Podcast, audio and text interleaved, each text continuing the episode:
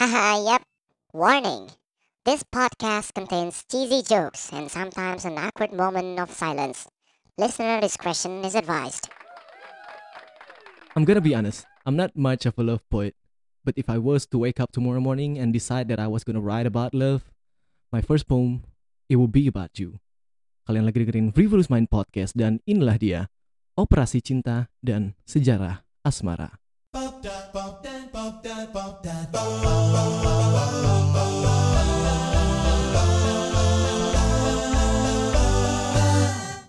Alright, uh, kembali lagi di Frivolous Mind Podcast dan kali ini uh, sebenarnya gue pernah bikin episode ini uh, dahulu kala zaman ya zaman gue awal-awal membuat podcast ini. Tapi kenapa gue memutuskan untuk membuat episode tentang cinta lagi? Karena pertama pas gue denger yang dulu lumayan bagus sih ya. Maksud bukan ya gimana ya? Kayaknya jadi narsistik sekali kalau bilang lumayan bagus. Gimana? Mungkin lumayan informatif lah ya. Lumayan tapi tapi setelah uh, gue denger lagi ternyata masih banyak hal yang bisa dibahas atau digali dari situ dan uh, setelah kan jauh tuh ya gue dulu baca zaman kap eh apa gue bikin itu zaman kapan sekarang gue udah menambah beberapa bacaan dan gue memutuskan kayaknya cocok deh untuk dibuat lagi dan lebih mendalam lagi gitu. Dan juga gue terinspirasi dengan uh, apa namanya bikin episode ini karena uh, seperti yang tadi ya pre intronya itu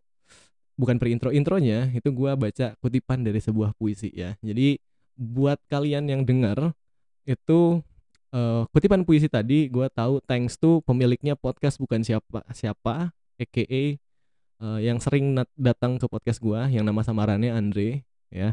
Nah uh, dari situ gue jadi lebih tertarik lagi untuk baca eh baca untuk membahas tentang cinta. Ditambah gue sempat uh, sekitar mungkin dua minggu kemarin gua apa namanya sama teman gua ngomongin tentang konflik percintaan lah di hidup kita masing-masing. Dan ya udahlah gitu akhirnya gua memutuskan untuk membahas cinta oke kita awali dengan uh, sebagaimana biasanya gua ngomongin di podcast itu pasti awalnya gua ngebahas tentang definisi.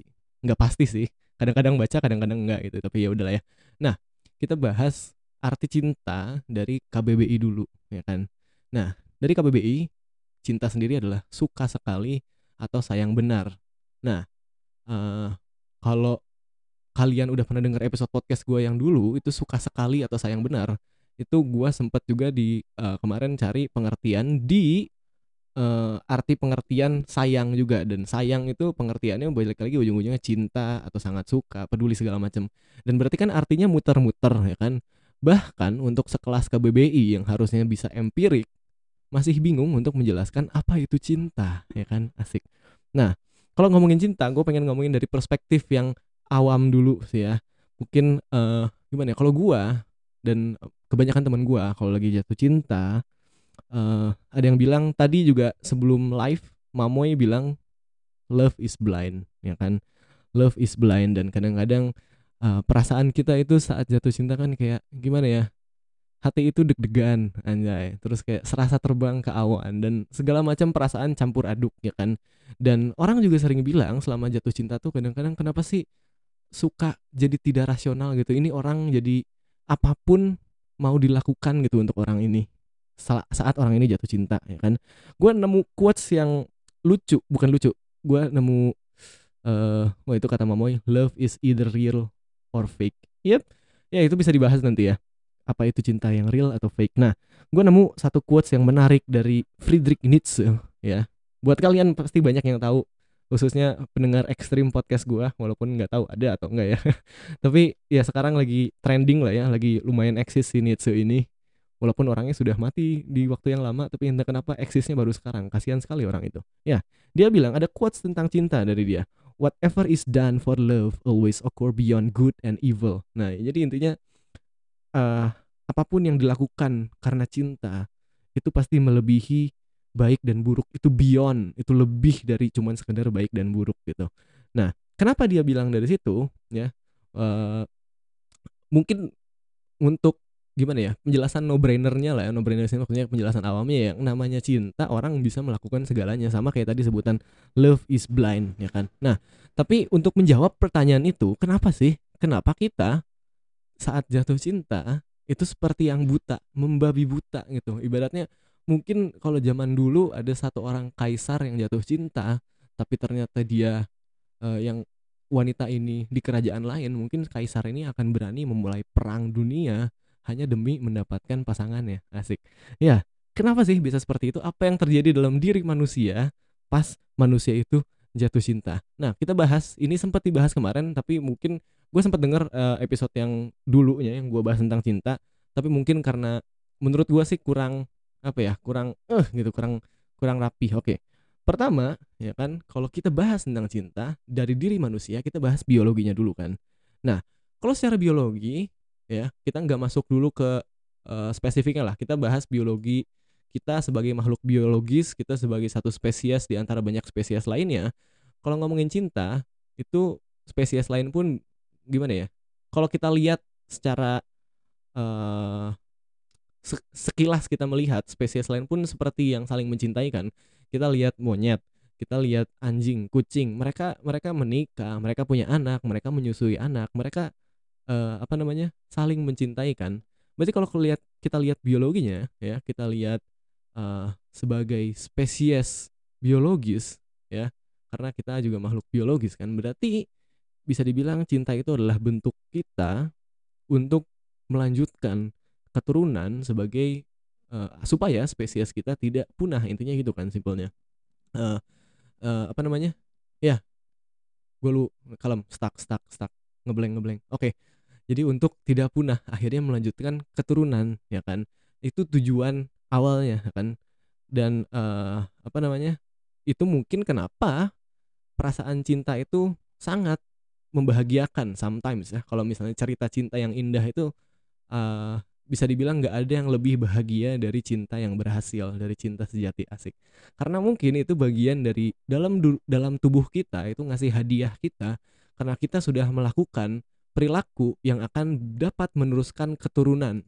Jadi uh, intinya kan dalam tubuh kita secara biologisnya apa pun yang mendekati atau menjauhi kita dari kematian mendekati ke kehidupan atau mendekati kehidupan yang lebih lama dan menjauhi dari kematian itu pasti akan dijauhi eh akan diberi hadiah oleh tubuh kita kan. Diberi hadiah dengan hormon-hormon itu supaya kita melakukan perilaku itu supaya kita meneruskan keturunan gitu kan. Nah uh, itu tadi secara umumnya. Nah sekarang nah ini yang dengerin ada anak psikologi nih ya. Halo yang merasa aja. Nah sekarang kita lihat di dalam otaknya ini lebih psikologi apa yang ngasih hadiah ke, ke tubuh kita selama kita melakukan aktivitas mencintai ini. Nah, ada hormon yang mana gue sering bilang, mungkin uh, udah cukup bosan yang apa yang suka dengerin podcast gue. Hormonnya namanya adalah oksitosin. Apa hormon oksitosin ini? Uh, umumnya atau simpelnya pasti ya tahu ya hormon cinta. Oksitosin itu adalah hormon cinta. Tapi apa sebenarnya dalam oksitosin ini sih? Oksitosin ini adalah hormon yang memberi kita sensasi kenikmatan saat kita melakukan aktivitas cinta. Cinta di sini gak harus seksual. Maksudnya uh, apa namanya? Kita pelukan, kita pegangan tangan, kita merasakan ada intimasi di situ, itu hormon oksitosin keluar. Nah, ada fakta unik. Hormon oksitosin ini nggak usah cinta untuk laki-laki dan perempuan. Hormon, hormon oksitosin ini kalau misalnya khusus perempuan ya, ini kita belum ngomongin tentang insting seksual ya. Kita masih ngomongin uh, oksitosin. Terus kalau ada yang nanya, "Lah emang beda apa? Emang beda fungsinya?" Ternyata itu beda ya. Jadi oksitosin itu tidak selalu tentang nafsu atau birahi hanya ngomongin birahi. Ya, oksitosin faktanya pada perempuan ya itu uh, uh, apa namanya hormon ini keluar atau berproduksi saat perempuan ini sedang menyusui atau melahirkan ya perempuan ini menyusui dan melahirkan dan juga ya saat kita uh, apa namanya perempuan ini caring lah ke anaknya. Nggak nggak cuma ke anaknya juga intinya ke ya ke orang-orang gitu caring. Dan hormon ini juga ditunjukkan saat kita manusia itu berinteraksi dengan binatang kesayangan kita misalnya sama anjing kucing. Kalau misalnya emang bonnya sekuat itu ternyata di saat ada anggap lah ya disebutnya intimasi gitu ya ada ada aktivitas intimasi. Kalau kita sama anjing kan berarti kita ngelus-ngelus anjingnya segala macam. Ternyata dari diri kitanya juga dan dari anjingnya juga itu hormonnya keluar Nah, berarti ya itu cara kerja oksitosin. Itu tadi kan pada perempuan, sekarang pada laki-laki. Nah, uh, ini ada linknya nanti kalian boleh minta. Jadi ada sebuah penelitian ya di PNAS tahun 2010 itu kumpulan laki-laki disuntik gue nggak tahu disuntik atau disuruh minum obat ya intinya kayak dikasih kadar oksitosin nah mereka di situ dikasih kadar oksitosin setelah dikasih kadar oksitosin mereka sulit nulis uh, cerita tentang ibunya nah ternyata hasilnya menunjukkan jadi sebelum sebelum dikasih hormon oksitosin ini juga mereka disuruh nulis tentang ibunya gitu loh. Nah setelah menul setelah dikasih uh, dosis oksitosin ini, ternyata mereka hasilnya menunjukkan mereka menuliskan sesuatu tentang ibunya itu lebih caring, lebih peduli, lebih kayak penyayang ibunya. Nah berarti itu apa ya? Itu efek dari hormon oksitosin dan uh, apa namanya? Berarti ini adalah sebuah hadiah yang diberikan badan kita saat kita bonding dengan orang lain. Nah, tapi sebenarnya nggak cuman dari situ. Itu oksitosin kan kayak hormon bonding ya. Dan kalau dibilang sebenarnya untuk kita mencapai oksitosin itu eh, apa namanya lebih lama daripada las. Las itu nafsu. Nah ini hawa nafsu. Ini baru baru masuk nih. Kalau hawa nafsu ngomongin oksitosin juga kerja sih saat misalnya ada aktivitas seksual di sini. Tapi selain dari situ khususnya kalau di perempuan itu dominannya nama hormonnya estrogen. Kalau di laki-laki lebih dominannya nama hormonnya testosteron.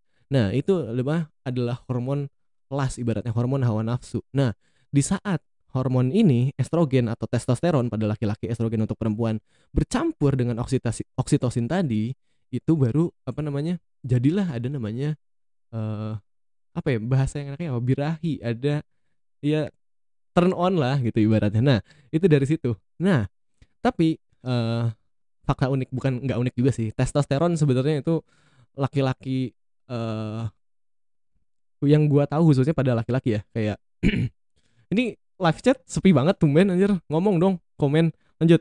Uh, tadi kalau ngomongin testosteron itu kalau testoster testosteronnya tidak dibarengi dengan oksitosin itu bisa jadi uh, kalau misalnya testosteron dibarengin sama adrenalin segala macem itu ada dalam peperangan misalnya atau kalian yang suka kalau ada anak motor di sini ya yang suka touring nah biasanya kalau touring ya terus kalian ngebut-ngebutan kebut-kebutan kalian cornering kalian jumping apa pun yang kalian lakukan atau ada yang suka main bola atau olahraga nah itu yang keluar tuh ya testosteron dengan adrenalin. Akhirnya kalian tuh ngerasa kayak wah oh lagi dengerin thank you sudah fokus. Oke lanjut ya itu dari situ. Nah Berarti ibaratnya oksitosin ini untuk kita pertemu eh pertama ketemu dengan orang, mungkin yang keluarnya dari physical attraction itu awalnya ya hormon testosteron dulu, hormon estrogen dulu. Dari situ juga kalau kalian uh, dengerin episode podcast gua yang apa namanya? tentang apa itu ci eh apa itu keba apa itu kebahagiaan, di situ juga ada hormon serotonin kan. Nah, ibaratnya cinta itu dibarengin hormon-hormon itu dibarengin. Khususnya kalau misalnya cincanya cin cinca.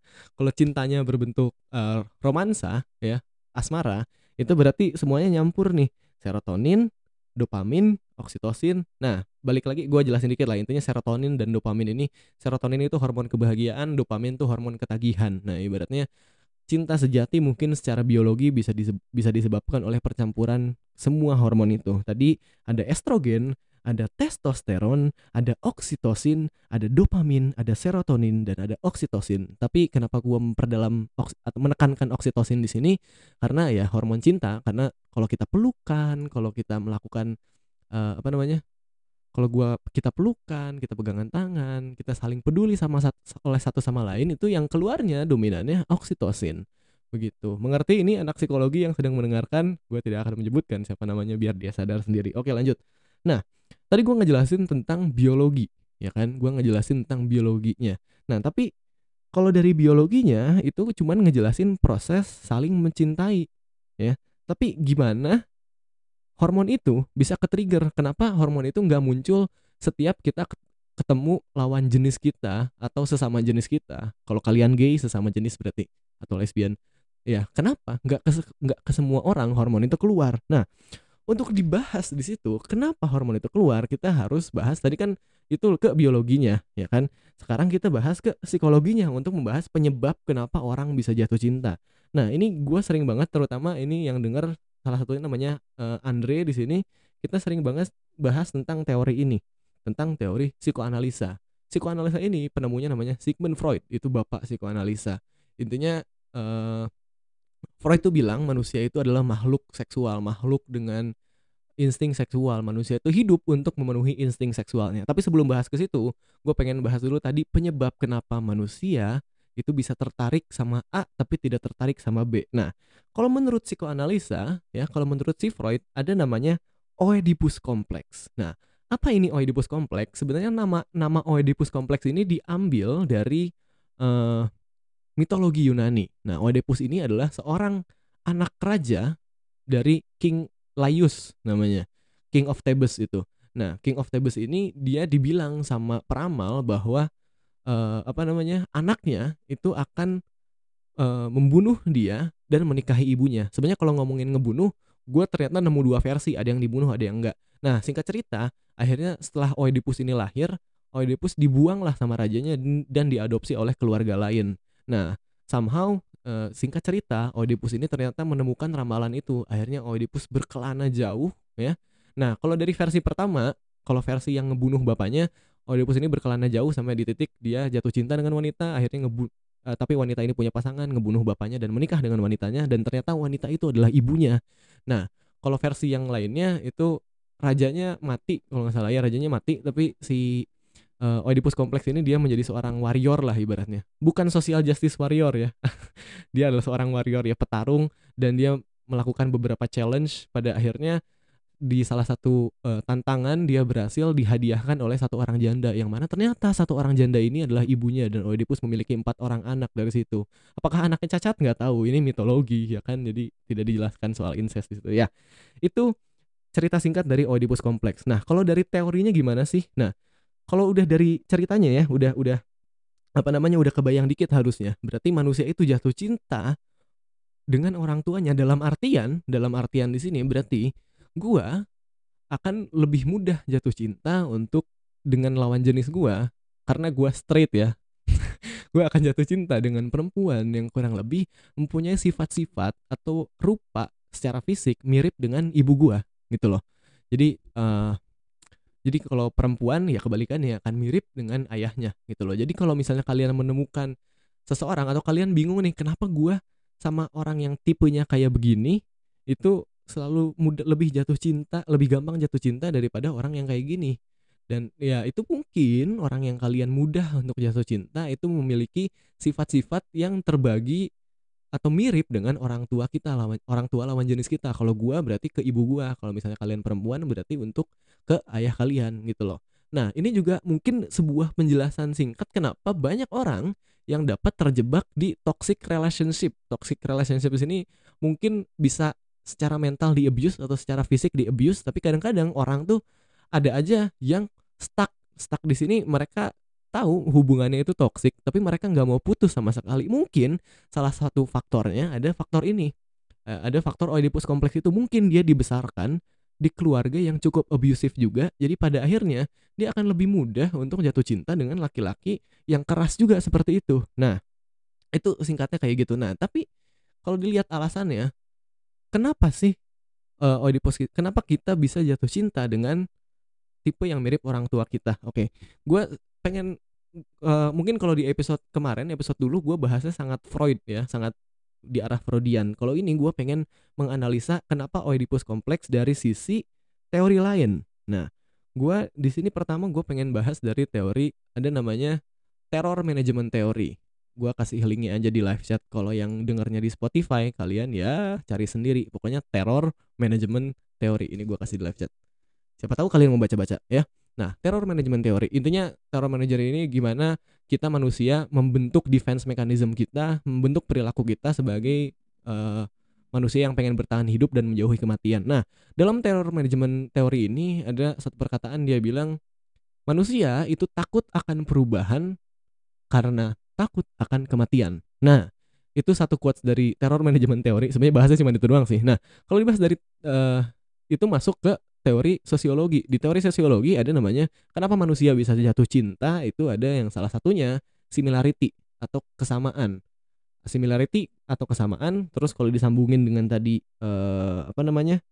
teror manajemen teori berarti dapat simpulkan kesamaan ini uh, similarity ini itu juga bisa dibentuk dari kebiasaan gitu kan dari kecil kalau dari Oedipus kompleks kita di kecil misalnya gua dari kecil dibesarkan dari keluarga yang uh, suka musik rock misalnya. Dan ibu gua misalnya adalah wanita penggemar rock abis gitu. Mungkin jadi itu udah terbentuk dalam diri gua. Gua sudah dibiasakan akhirnya mungkin di saat gua menemukan wanita yang tidak suka rock gua merasa tidak similar gua merasa tidak relate. Jadi uh, gua tidak jatuh cinta dengan wanita itu. Sedang sedangkan di saat gua menemukan wanita yang suka musik rock misalnya gua akan lebih mudah untuk jatuh cinta dengan wanita itu.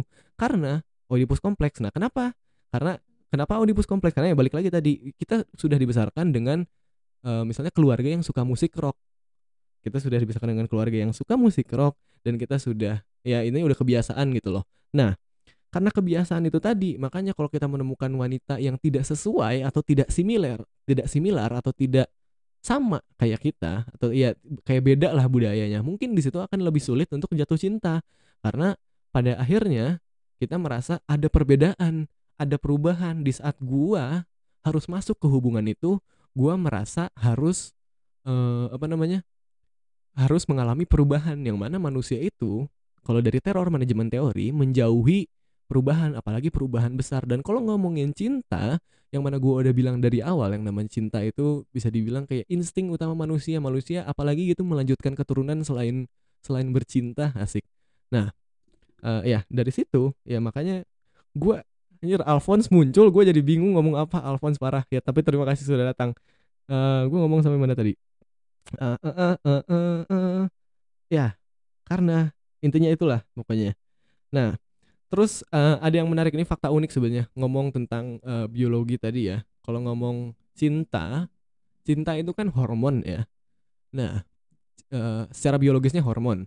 Nah itu mungkin aja ya ratusan tahun yang lalu nggak ratusan sih mungkin ribuan tahun yang lalu at least sekitar 40 ribu atau 50 ribu tahun yang lalu mungkin manusia bisa mencium aroma cinta karena gue menemukan artikel unik ya kayak di pada masanya ternyata manusia itu mungkin bisa mencium lebih rib, apa ribuan suara atau juta eh, ribuan suara ribuan penciuman atau ribuan indra apa wangi-wangian. Nih gue kasih linknya. Nah jadi mungkin pada zaman dahulu itu ngedeketin pasangan itu lebih gampang. Ini bener kan linknya nah itu. Human can discriminate more than one trillion olfactory stimuli jadi intinya dapat mendetek wangi-wangi eh wangi-wangian yang jauh lebih banyak daripada sekarang. Ya mungkin karena dulu kan kita tinggal di hutan segala macam kita harus indera-indera kita harus bukan indera yang lagi ngedenger ya indera penciuman gitu.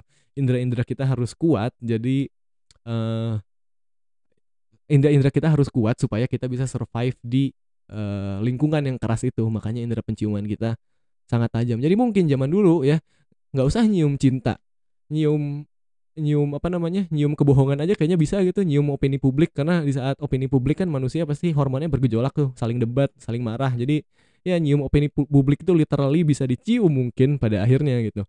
Nah uh, itu fakta uniknya jadi mungkin mungkin aja zaman dulu bisa nyium cinta gitu. Jadi mungkin zaman dulu tuh nggak ada yang namanya gombal tuh nggak ada gitu bener-bener langsung emang jujur gitu kayak kalau ketemu cewek hmm aku mencium aroma cintamu yuk jadian. Mungkin segampang itu gitu zaman dulu. Sekarang indera penciuman kita semakin sini semakin cacat jadi ya ya sudah gitu. Cinta makanya makin sini mungkin makin makin rumit ya. Oke kita lanjut itu tadi uh, uh, apa namanya?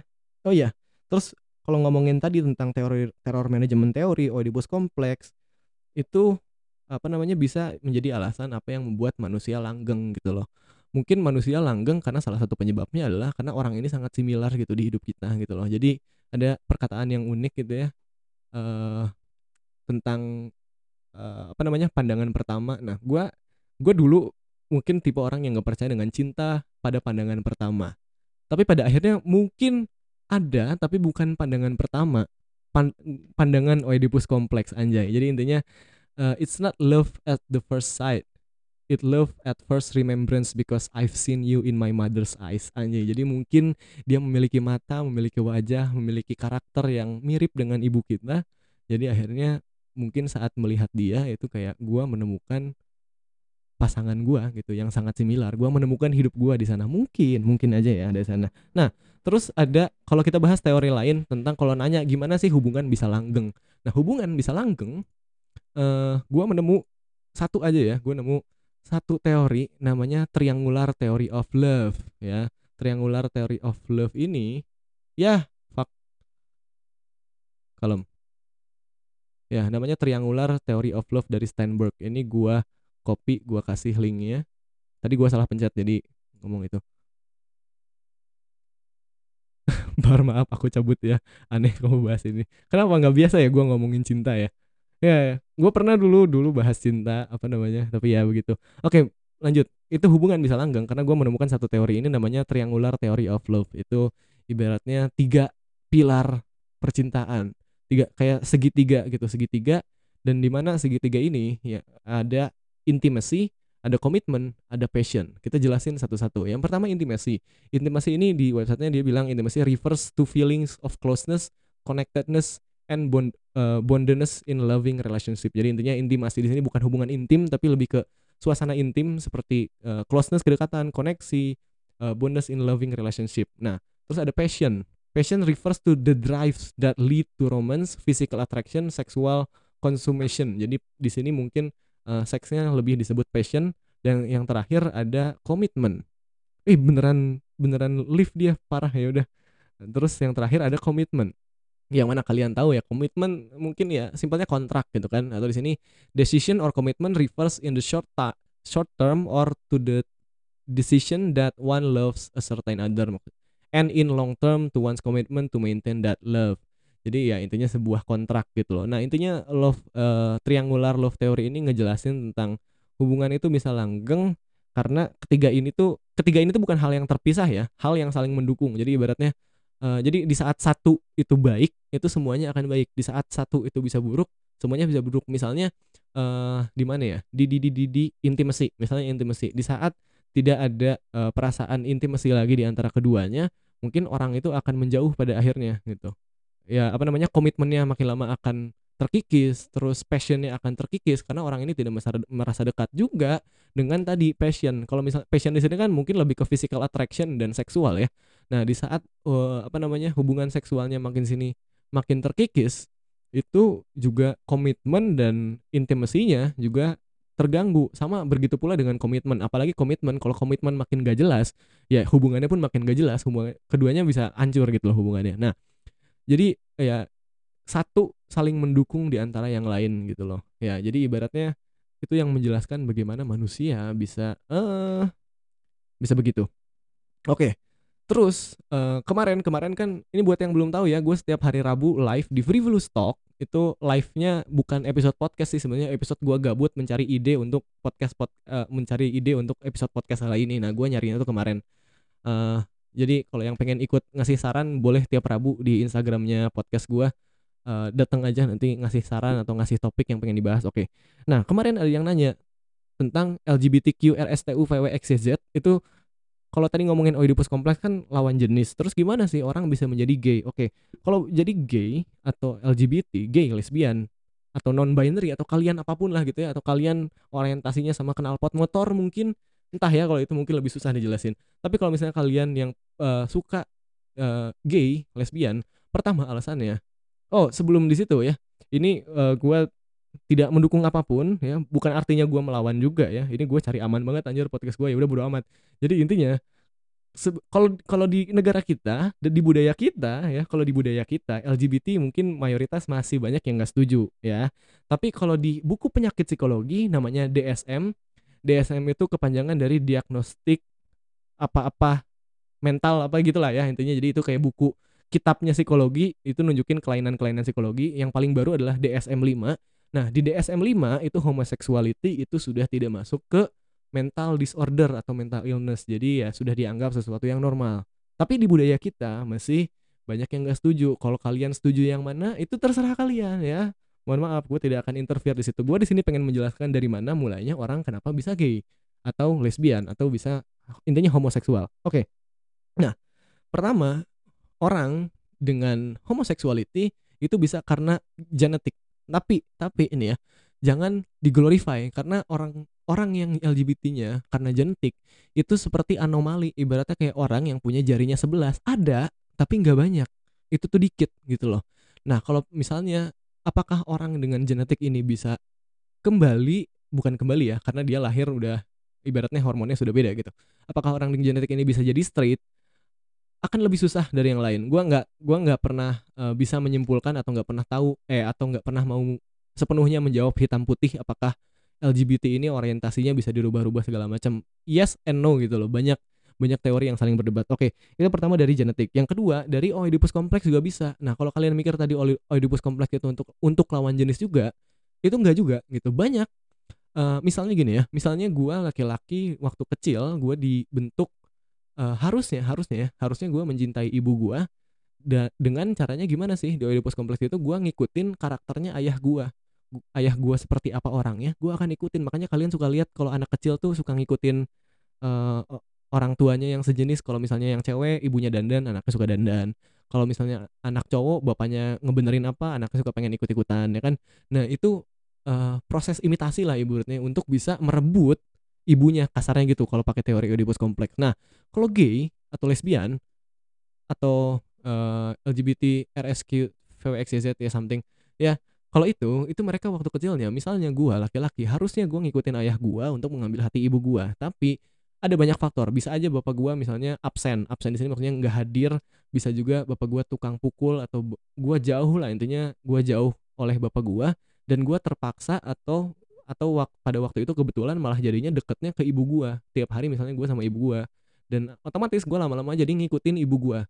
Gue ngikutin tingkah lakunya ibu gue segala macam dan karena gue kehilangan sosok ayah di situ gue mengikuti karakter ibu gue untuk mengambil perhatian ayah gue nah itu sudah terbentuk dari kecil gitu loh. Jadi mungkin uh, apa ya ada kan orang yang uh, bukan ada banyak malah kan yang gay emang ternyata dia dari kecil tuh nggak pernah pacaran karena dia bingung nggak pernah suka sama orang lain tapi ternyata uh, turn, turns out pas mungkin SMP SMA banyak lah orang beda-beda ceritanya. Ternyata dia suka sama sejenis. Mungkin ya karena kecilnya dibentuk seperti itu. Dan gue menemukan beberapa kasus ya beberapa kasus teman-teman gue banyak yang uh, lekong kancin ya banyak yang lekong. Dan gue tanya apakah sebenarnya nanya iseng doang. Apa namanya? Uh, iseng doang nanya eh uh, gimana? Ayah tuh orangnya kayak gimana sih? Banyak yang bilang ayah tuh galak ayah tuh keras gitu. Jadi ya mungkin saling memperkuat gitu ya nah itu tadi ya Nah, dan yang terakhir ya, yang terakhir gue ini bahasnya mungkin yang sepenilaian gue paling dari yang paling parah, bukan parah ya, karena bukan penyakit ya kalau di psikologi dari yang paling dominan ibaratnya ya orientasinya sampai yang paling tidak dominan. Yang terakhir, yang terakhir itu tentang tadi yang teori sosiologi itu ada proximity dan similarity dan khususnya uh, apa ya teori teror manajemen teori juga bisa dimasukin sih. Jadi ibaratnya kayak di penjara lah itu orientasi bisa berubah kan. Di penjara sampai ada sebutan don't drop the soap. Karena kalau kita jatuhin sabun mungkin belakang kita akan diserang oleh orang yang sudah lama di penjara dan orientasinya berubah. Nah itu kenapa bisa berubah? Ya karena mungkin uh, kalau dibilang gay apakah LGBT menular? Sebenarnya nggak bisa abu-abu juga sih ya. Kalau orang kan mungkin sekarang banyak uh, apa namanya yang LGBT supporter itu bilang gay itu tidak menular menular. Gue bisa bilang iya tapi bisa bilang enggak juga. Pertama tergantung gimana pilar kita dibuat pilar Oedipus kompleks itu tadi ya. Gue mungkin yang dibesarkan dalam tanda kutip keluarga yang straight keluarga yang straight jadi mungkin kalau gue ketemu gay gue punya teman banyak gay gue tidak akan terpengaruh ya kan? Nah tapi kalau ditempatkan dalam satu titik yang ekstrim seperti itu seperti di penjara misalnya dan gue di situ misalnya di penjara 10 tahun 20 tahun 30 tahun. Ya itu otomatis ya apa namanya uh, uh, apa namanya akan ngebak gitu biologi kita yang awalnya mungkin kita tertariknya dengan wanita tapi lama-lama harus dibiasakan kan. Dan yang namanya insting seksual itu nggak pernah mati kecuali kita dikebiri ya kan. Mungkin kalau gua masuk ke penjara dan gua dikebiri mungkin gua tidak akan jadi gay tapi gue jadi aseksual gitu kan. Nah tapi kalau misalnya di penjara lama dan insting seksual masih nyala gua akan lama-lama ya akan terbiasa gitu. Awalnya mungkin gua akan setakut itu. Tapi ya untuk bisa aja gitu. Ada ada ada kemungkinan dengan lingkungan yang sekuat itu ya akhirnya orientasi gue berubah. Karena situasi yang ekstrim gitu. Jadi kalau ditanya apakah game menular ya mungkin dalam kehidupan kita sehari-hari enggak sih enggak akan nular gitu. Selama ya kalian emang ternyata tidak gay kan banyak orang yang sebenarnya gay tapi menutup-nutup diri gitu. Kalau kalian gak gay sih mungkin tidak akan tertular, tapi kalau kalian ditaruh di situasi yang se ekstrim itu, ya kemungkinannya antara dua, antara kalian bunuh diri atau jadi gay gitu. Ya udah mohon maaf ya, sangat dark jokes gue. Lanjut. Kita lanjut ke mana? Oh, kita kan di sini bahas tentang uh, pengen gue bahas tentang makna cinta. Makna cinta ini adalah makna gimana sih si cinta ini artinya ya. Tadi kan kalau kita ngomongin tentang definisi definisi muter-muter ya. Tapi definisi subjektifnya mungkin mayoritas orang kalau dilihat dari sejarahnya itu berganti. Nah ini ada hal yang menarik yang gua kutip dari satu buku ya buku sapiens dari Yuval Noah Harari. Kitab gua ya buat kalian yang sering dengerin podcast gua pasti kalian tahu gua sering banget ngutip uh, uh, apa namanya buku ini. Oke kita ngelihat zaman dulu orang tuh saling mencintai gimana sih gitu ya. Oke uh, dari ini Misalnya, sejumlah ini udah mulai kutip ya. Misalnya, sejumlah ahli psikologi evolusioner ber, berargumen bahwa kawanan-kawanan pemburu pengumpul purba tidak terdiri atas keluarga-keluarga inti yang berpusat di pasangan-pasangan monogami. Monogami itu pasangan eh, apa? Monogami itu pasangan laki-laki dan perempuan. Oh, udah itu Homo Deus, Homo sapiens udah baca. Thank you. Uh, lanjut ya uh, pasangan monogami. Tadi pasangan monogami itu laki-laki, perempuan dan ya pokoknya pasangan berdua selamanya cinta sejati. Uh, gitu ya intinya. Nah, oke, okay, lanjut. Para pemu para pemburu pengumpul justru hidup dalam komune-komune tanpa harta milik pribadi, hubungan monogami, bahkan pengurusan ol anak oleh ayah.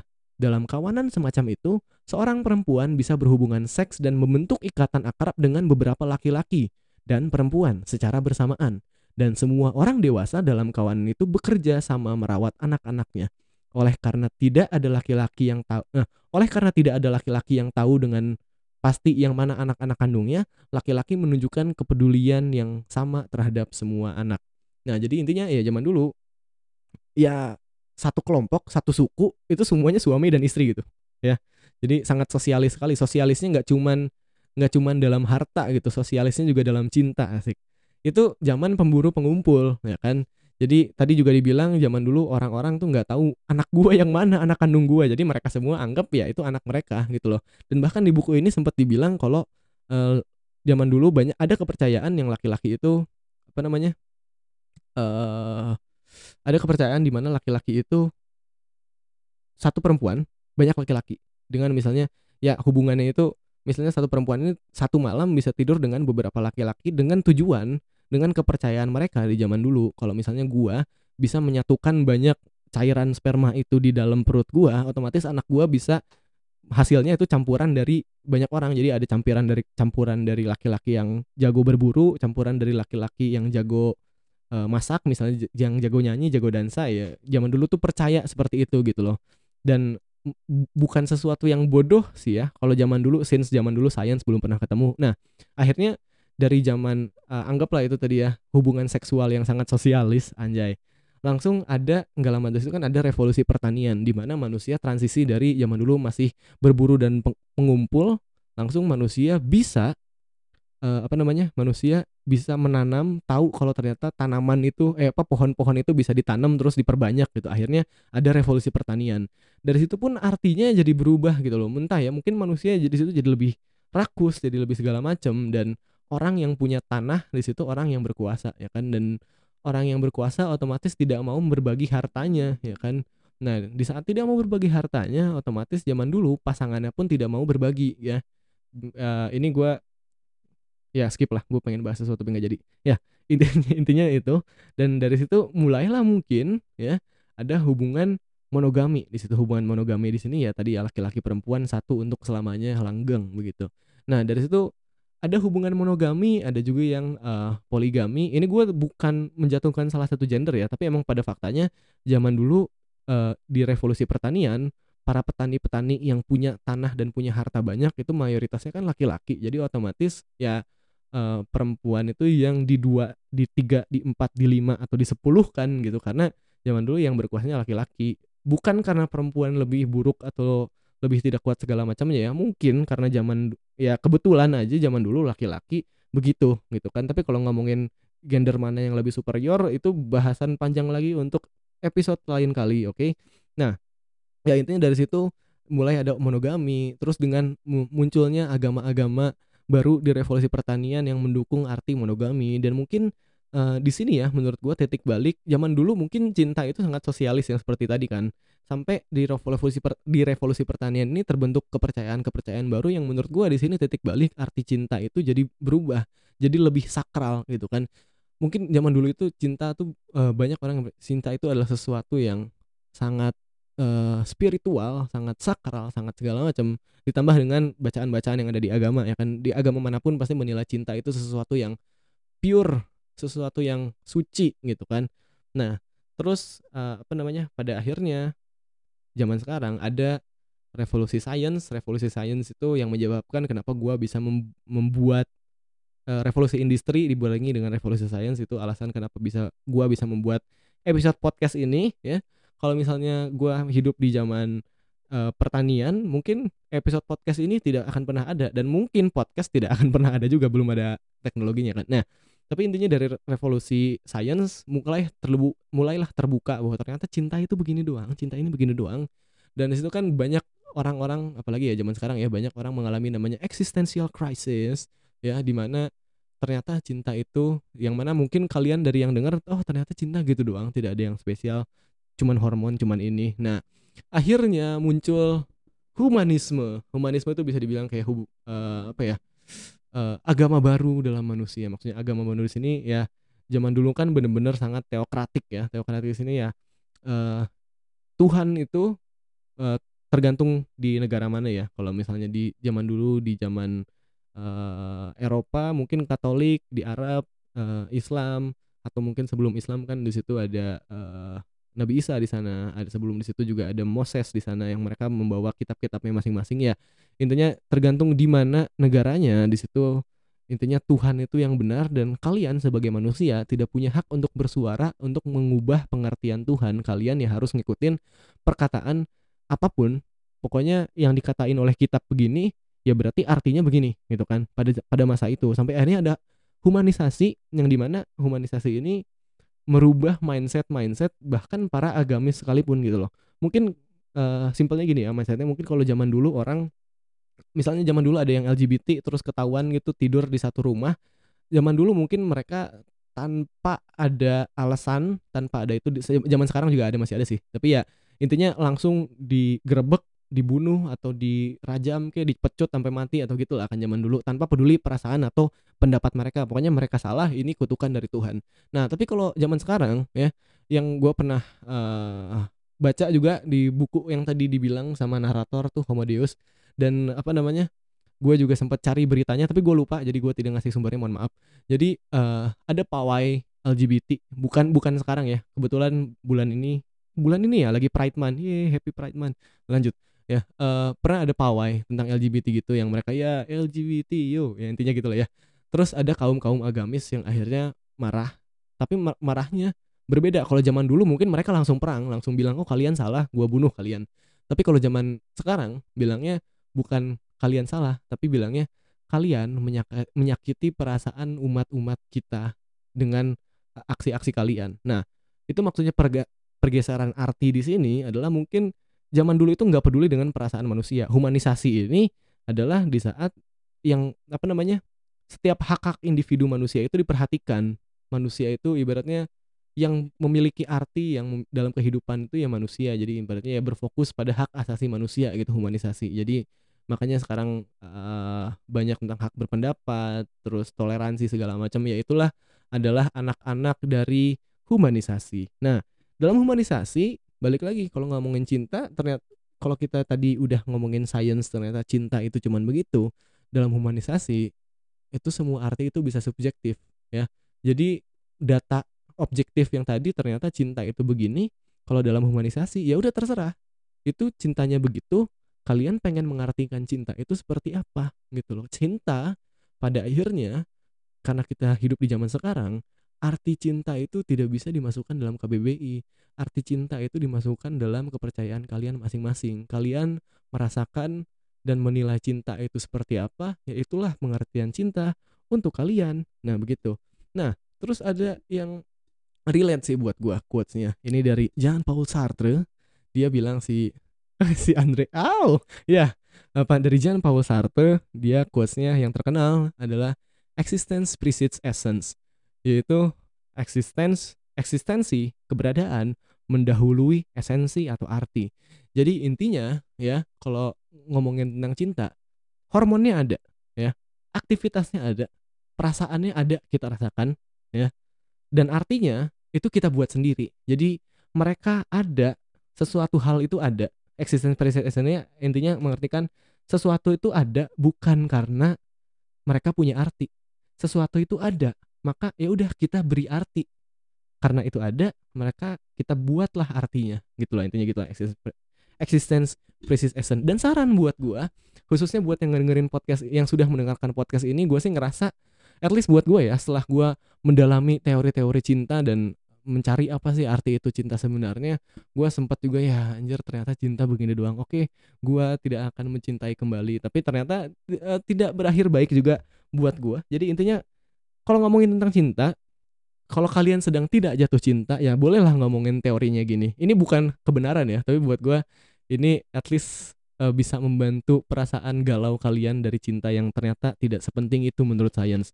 Nah, balik lagi ke tadi ya intinya kalau kalian sedang jatuh cinta, kalian jangan terlalu banyak mikirin teori gua sama dia ternyata dia mungkin kayak begini dari teori ini dia kayak begini dari teori ini begini dari A B C begini. Mungkin akan stres sendiri pada akhirnya akan paranoid sendiri. Jadi udah gitu.